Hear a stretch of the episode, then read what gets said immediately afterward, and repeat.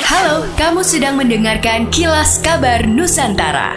Podcast persembahan KG Radio Network menyajikan berita harian yang mengangkat keunikan dari berbagai wilayah Indonesia. Kilas Kabar Nusantara dapat juga didukung oleh pengiklan loh.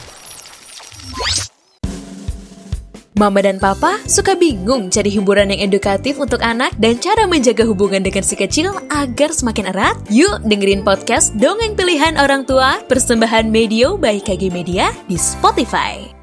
Sebanyak 350 industri kecil menengah IKM akan mendapat sertifikat halal tahun ini. Hal tersebut merupakan program prioritas Gubernur Sulsel Andi Sudirman Sulaiman. Kepala Dinas Perindustrian Sulsel Ahmadi Akil mengatakan peluang merebut pasar produk halal sangat besar. Karena itu pihaknya mendorong IKM di Sulsel bersertifikat halal. Adapun tahun lalu pihaknya telah memfasilitasi pemberian sertifikat halal gratis kepada 100 IKM.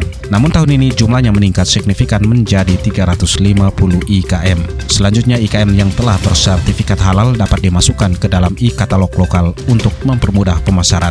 Sebelumnya, pemerintah Provinsi Sulawesi Selatan menerima penghargaan Indonesia Halal Industry Award 2021 dari Kementerian Perindustrian. Sulsel meraih predikat terbaik untuk kategori Best Halal Program Support. Gubernur Sulsel Andi Sudirman Sulaiman menuturkan pengembangan industri halal tidak hanya untuk mengejar profit, namun juga keberkahan untuk semua. Pemkot Surabaya melalui Dinas Kesehatan Surabaya telah menerapkan kawasan tanpa rokok KTR di sejumlah lokasi di Kota Pahlawan. Kepala Dinkes Kota Surabaya Nanik Sukristina menyampaikan pengawasan KTR akan dimulai pada minggu keempat bulan Juni 2022 ini yang dilakukan pada tujuh kawasan KTR yaitu sarana kesehatan, tempat proses belajar mengajar, arena kegiatan anak, tempat ibadah, angkutan umum, tempat kerja, dan tempat umum. Menurut Kadinkes, jika kedapatan melanggar akan dikenakan sanksi perorangan berupa denda administrasi sebesar Rp250.000 dan atau paksaan kerja sosial. Sedangkan bagi instansi pelaku usaha akan diberikan sanksi mulai teguran tertulis, penghentian sementara kegiatan, denda administrasi Rp500.000 sampai dengan Rp50 juta rupiah hingga pencabutan izin. Ya, dari hasil liputan kita memang sejak beberapa ya bukan sejak beberapa sudah beberapa bulan terakhir memang selalu ada antrean solar, mm-hmm. terutama di SPBU SPBU yang menjual solar uh, eh, BBM bersubsidi ya. Kebanyakan itu di luar kota. Kalau di Pontianak mungkin di Jalan Adi Sucipto, kemudian beberapa lokasi lain uh, di Jawi, Terletak Satu juga kan itu selalu banyak antrean. Yeah. Kita sudah konfirmasi kepada sejumlah supir mereka kadang sampai harus menunggu berjam-jam, kadang harus turun pagi, uh, bermalam di lokasi supaya bisa hmm. mendapat antrean. Dan kita juga sudah konfirmasi dengan Pertamina.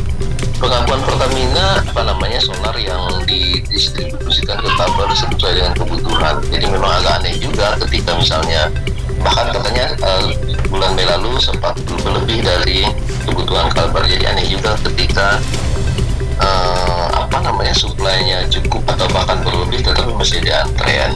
Hmm. Pihak kepolisian. Kepolisian memastikan bahwa mereka akan mengawasi terus distribusi ini jangan sampai ada penyimpangan.